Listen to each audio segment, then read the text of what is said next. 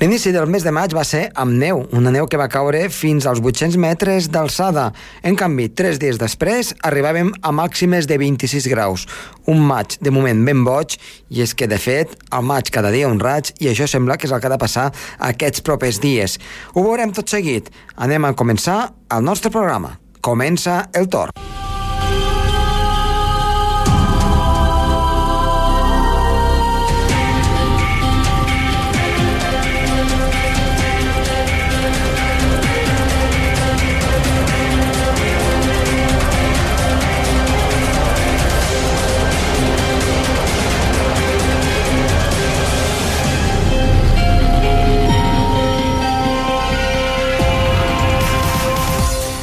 Molt bona tarda, moltes gràcies per escoltar-nos, ja sigui des del seu transistor, al vehicle, o, per què no, des d'internet, des de qualsevol punt del món. Avui parlarem doncs, de les zones gravitatòries, amb Joan-Marc Miralles, astrofísic, i déu nhi el que podem aprendre de les zones gravitatòries que segurament els sorprendran. I a més a més estarem amb Gerard Tauler que ens explicarà les tempestes del sistema ibèric. Per tant, un programa que ha de ser ben amanit. Som-hi!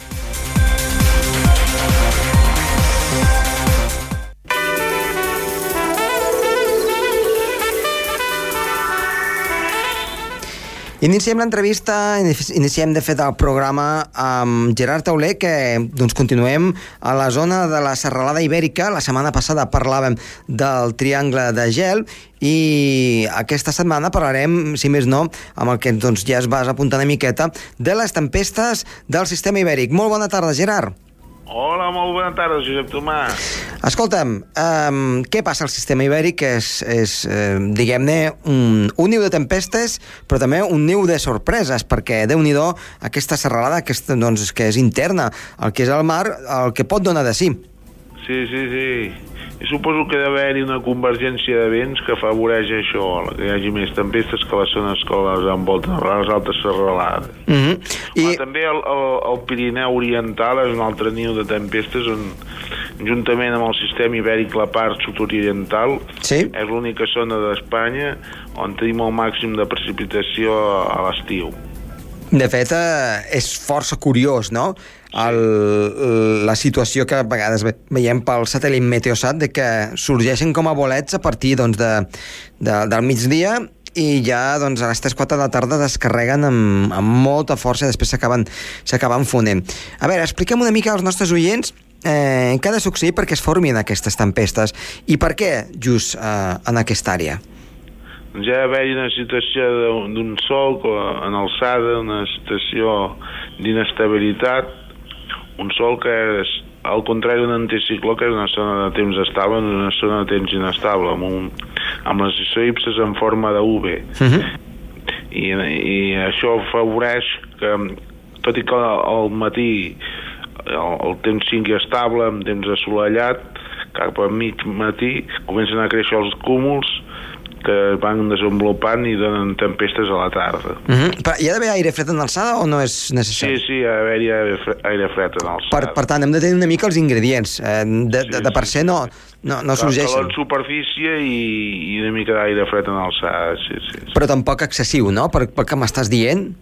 Només una mica d'inestabilitat n'hi n'hi hauria prou per, per, sí, sí, eh, sí. per fer explotar, diguem-ne, aquest, aquest niu de tempestes. Sí, sí. Escolta'm, i uh, arriben a ser molt fortes o són de curta intensitat? Oh, algunes són... donen importants pluges. Ja hem vist vegades eh, pel telenotícies que, que donen fins i tot inundacions mm -hmm. aquesta zona. I moltes vegades he sentit a la Ibèrica que, mm, si, si, si no és així, m'ho desmenteixes, eh? de que hi han hagut tempestes seques i que, vaja, jo només les he escoltat en aquesta àrea. El Pirineu és difícil que se'n donin d'aquest tipus de tempestes.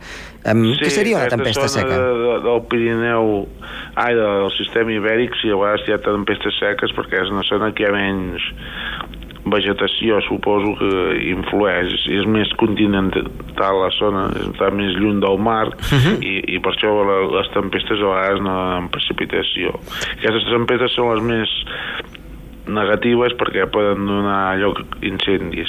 Uh mhm. -huh. Per tant, hi ha molt aparell elèctric i precipitació sí, no, no a caure. No. O s'evapora o què li deu passar a la precipitació? Sí, deu haver-hi virgues, però no, no arriben Mhm. a terra. Vi- Virgues és, per als espectadors, perquè no ho sàpiguen, és precipitació que cau del núvol però que no arriba a terra. Uh -huh. um, el, el període en què es formen aquestes tempestes, més o menys, que és només l'estiu? L'estiu, bueno, i també una mica que comença cap al mes d'abril. Uh -huh. Per tant, ja, ja, ja, ja comencem a estar en, en època, no?, en la Sí, ja temporada. comencem a estar en època de, de tempestes, sí, sí, sí. sí. I, I pregunta, eh? En, en, en aquesta àrea es donen fenòmens severs convectius? També, també es donen zones de, de, amb tornados. Per tant, és àrea de tornados.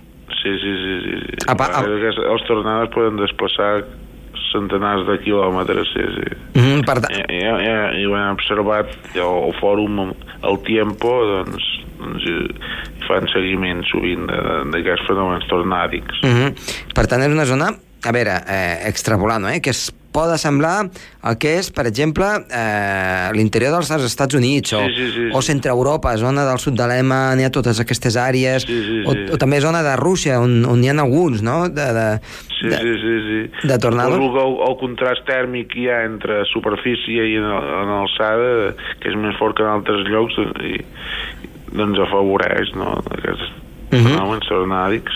Um, zones de properes al Pirineu que puguin haver aquests, aquests events, n'hi han de, de, de tempestes així tan severes?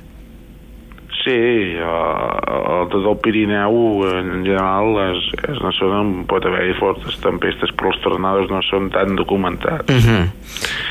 Tempestes plu amb pluges fortes, per exemple, a la Viesques del, Sí? de l'any 96, sí, sí. Molt bé, doncs Gerard... El 8 d'agost del 96, sí, sí, que va haver, haver aquella desgràcia, que va haver tanta mortalitat al, al càmping.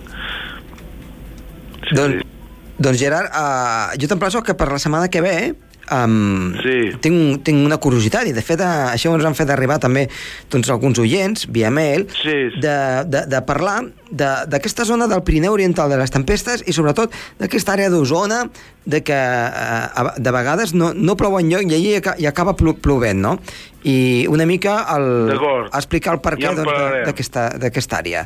Molt bé. Doncs Gerard, moltíssimes gràcies. Adéu-siau. Vinga, adéu, que vagi molt bé. Adéu.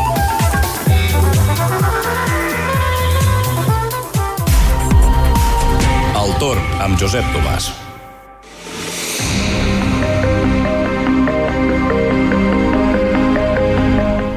Comencem l'entrevista d'avui amb una persona que l'hem tingut doncs, diver- diverses vegades aquí amb nosaltres. Ell és astrofísic i representant de la Unió Astronòmica Internacional Andorra, Joan Marc Miralles. Joan Marc, gràcies per estar aquí avui amb nosaltres. Bona tarda.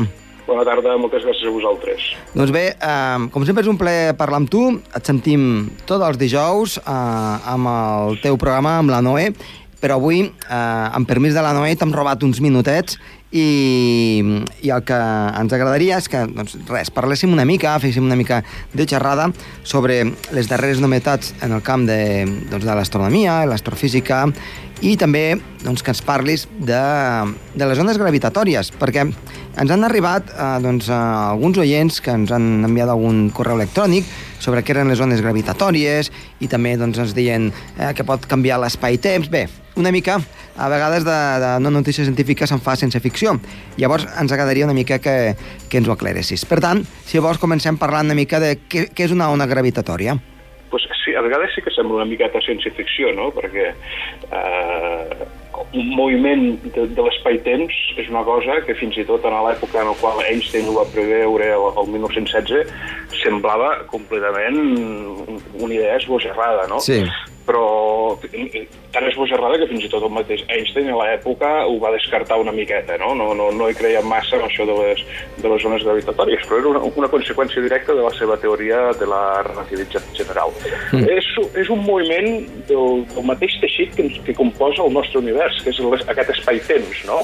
Eh, ja, ja no és una ona que es propaga a través d'aquest espai-temps, sinó que és el mateix espai-temps que es deforma per culpa d'un gran esdeveniment energètic i aquesta deformació viatja per tot l'univers i canvia poquet, però canvia una miqueta l'espai i el temps en el moment que, que aquesta ona atravessa el lloc on, on nosaltres ens trobem. I és el que es va detectar el passat 14 de setembre uh -huh. amb, amb, un, amb un instrument que s'havia construït a aquest efecte que es diu LIGO, que, que es composa de dos detectors. Un que està a la costa est, eh, bueno, o sud-est dels Estats Units, a Louisiana, i un altre que està, que està a la costa oest, a l'estat de Washington, i amb, amb una diferència d'uns eh, 7.000 segons va detectar el passatge d'aquesta ona que va travessar la Terra i va travessar doncs, el nostre espai-temps i el, el, aquest detector que està compost d'uns làsers que, que, que, que eh, s'interrompeixen pues, uh, va detectar el seu passatge exactament com s'havia previst per la teoria de relativitat general. I això era degut a, el, a la fusió de dos forats negres que es va produir molt i molt lluny de nosaltres, a, a més de 1.200 milions d'anys llum de la Terra. És a dir, imagina't el, sí.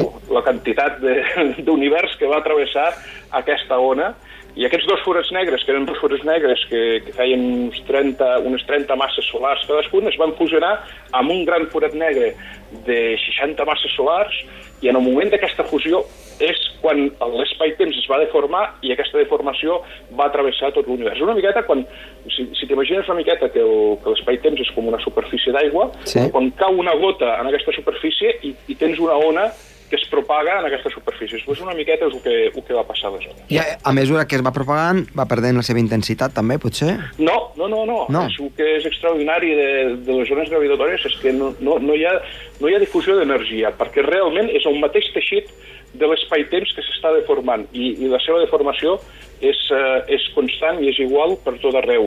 I fins als límits d'universis que n'hi ha, i suposem que no n'hi ha, aquesta ona s'anirà propagant. I esperem que n'hi hagi moltes altres que puguem, que puguem escoltar. La, la missió del, del LIGO no, és, no era únicament detectar-ne unes, sinó detectar totes les que estan passant en l'univers. Aleshores, mm, amb el que estàs explicant, quan es fusionen els dos forats negres, uh mhm. -huh eh, doncs es deforma l'espai-temps, es forma aquesta ona gravitatòria, però no és tan, diguem-ne, espectacular, no? No, bueno, la, la, la deformació nosaltres ni la notem, Clar. perquè estem, som part d'aquest espai-temps. Nosaltres no, no la notem, però sí que eh, per aquests eh, detectors amb làser el que fa és que el, si, si estan sincronitzats els dos làsers, perquè provenen del mateix, del, de la mateixa font, eh, el, el moment que travessa aquest detector es desincronitzen lleugerament. Uh -huh. Llavors veus aquesta lleugera desincronització. És un, és un efecte molt i molt, molt petit.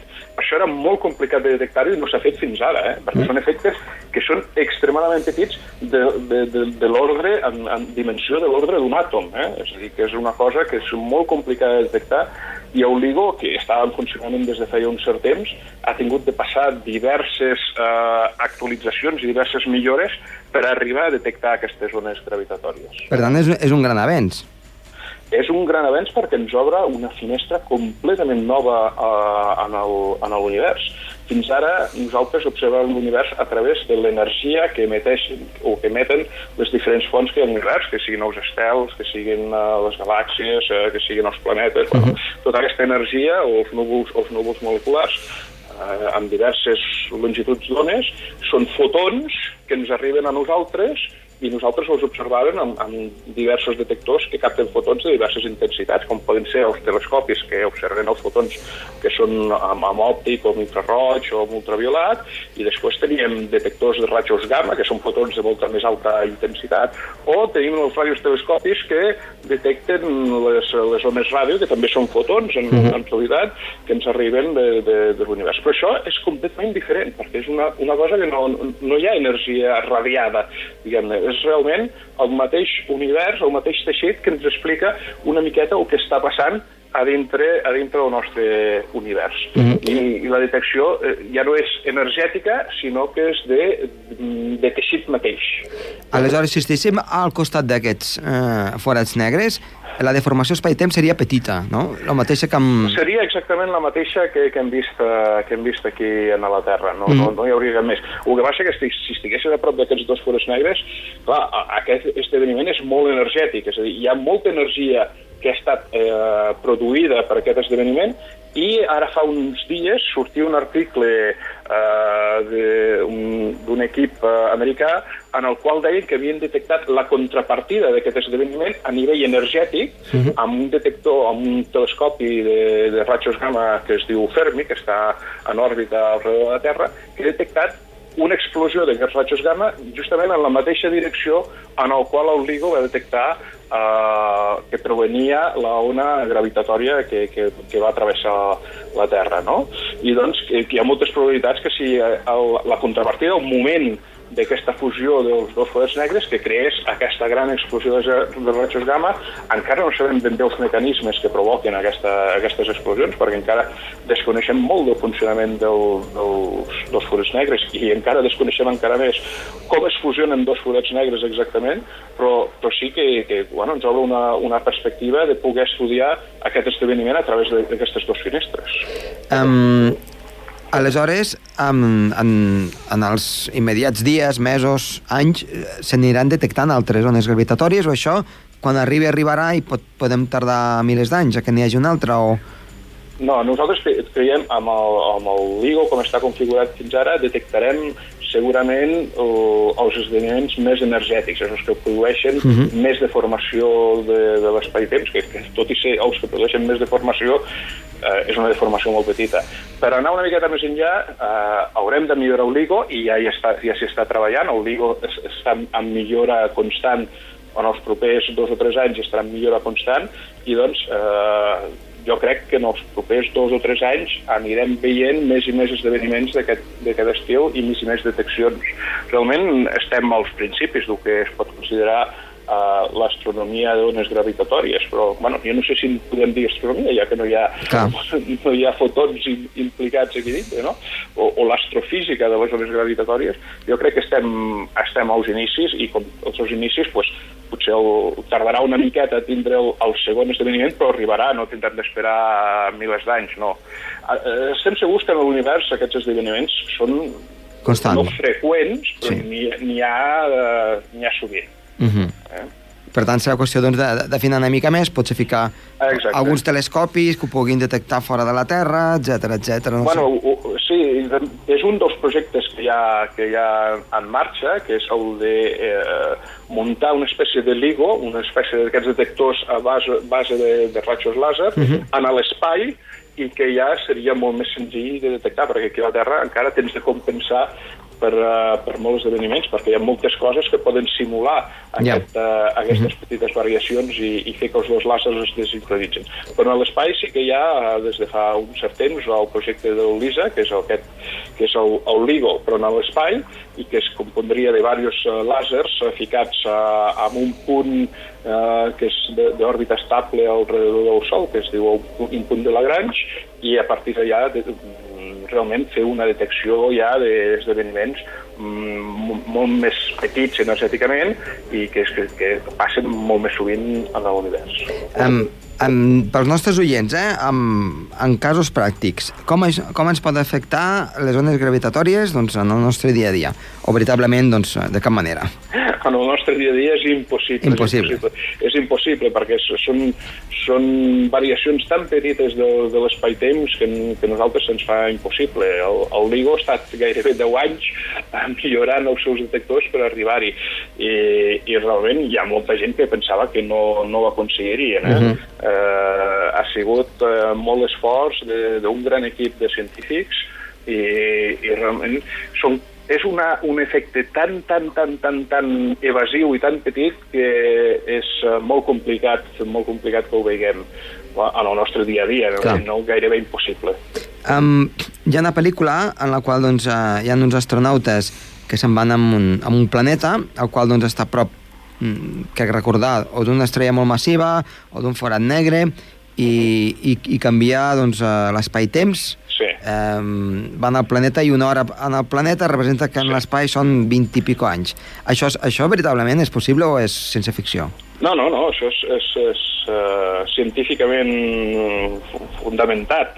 Uh, realment, quan estàs a prop d'una massa molt important, com pot ser un forat negre, i en aquest cas de la pel·lícula, que suposo que, que estàs parlant d'Interstellar, Sí. eh, és que és al costat d'un d'un forat negre gegant que en diuen Gargantua, eh, evidentment, la, el, el camp gravitacional del forat negre, quan t'hi acostes, fa que es deformi l'espai-temps de tal manera que el temps a prop del forat negre no passa de la mateixa manera que quan estàs més allunyat del forat. Mm -hmm. eh? Perquè l'espai-temps està deformat, doncs el temps està deformat, el temps està estirat.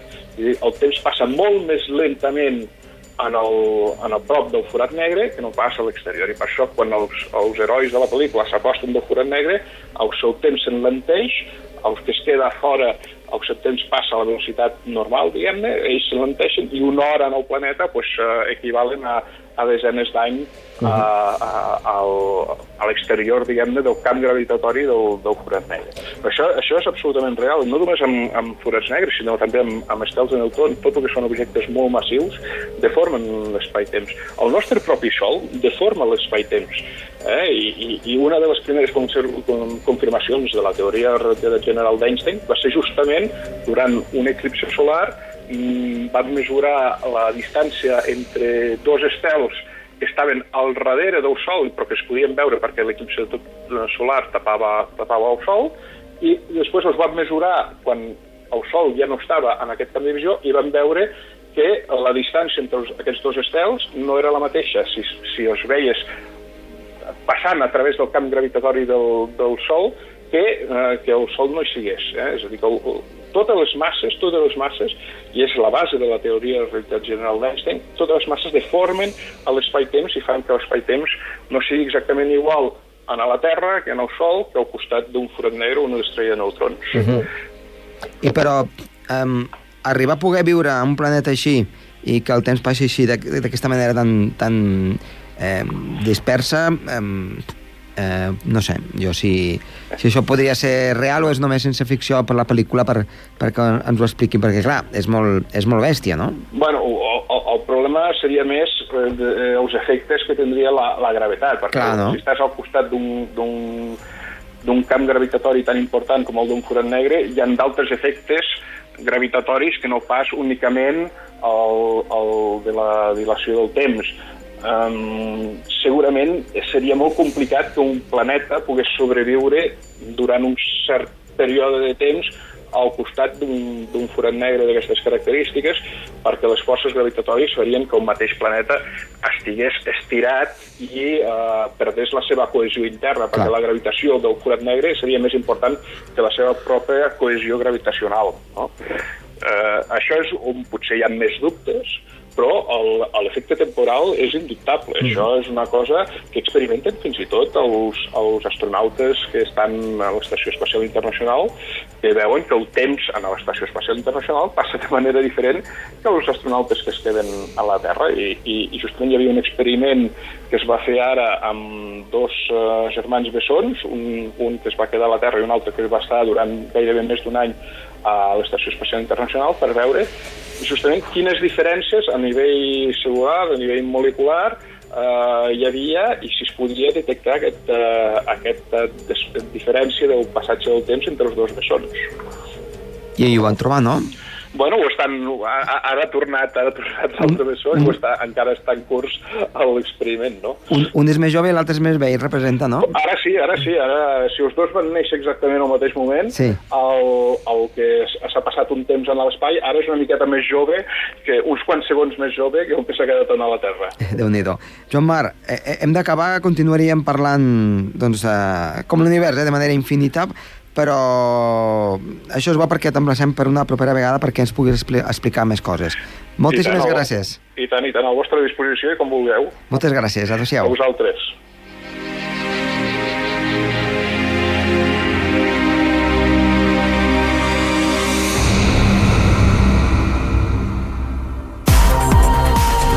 El torn, amb Josep Tomàs. Anem a la previsió meteorològica per aquests propers dies. I és que la primavera tornarà a fer de les seves. Què vol dir això? Doncs que farà calor, però no tanta, les temperatures baixaran 4-5 graus, al llarg de divendres a la tarda, nuvolositat cada cop més important, dissabte doncs molta variabilitat. Matí amb alguna estoneta de sol, però hi ha nuvolades a la tarda. No descartem algun calter ruixat, la cota de neu molt elevada, per damunt dels 2.800 metres. I diumenge sí que serà més inestable, si més no a partir del migdia.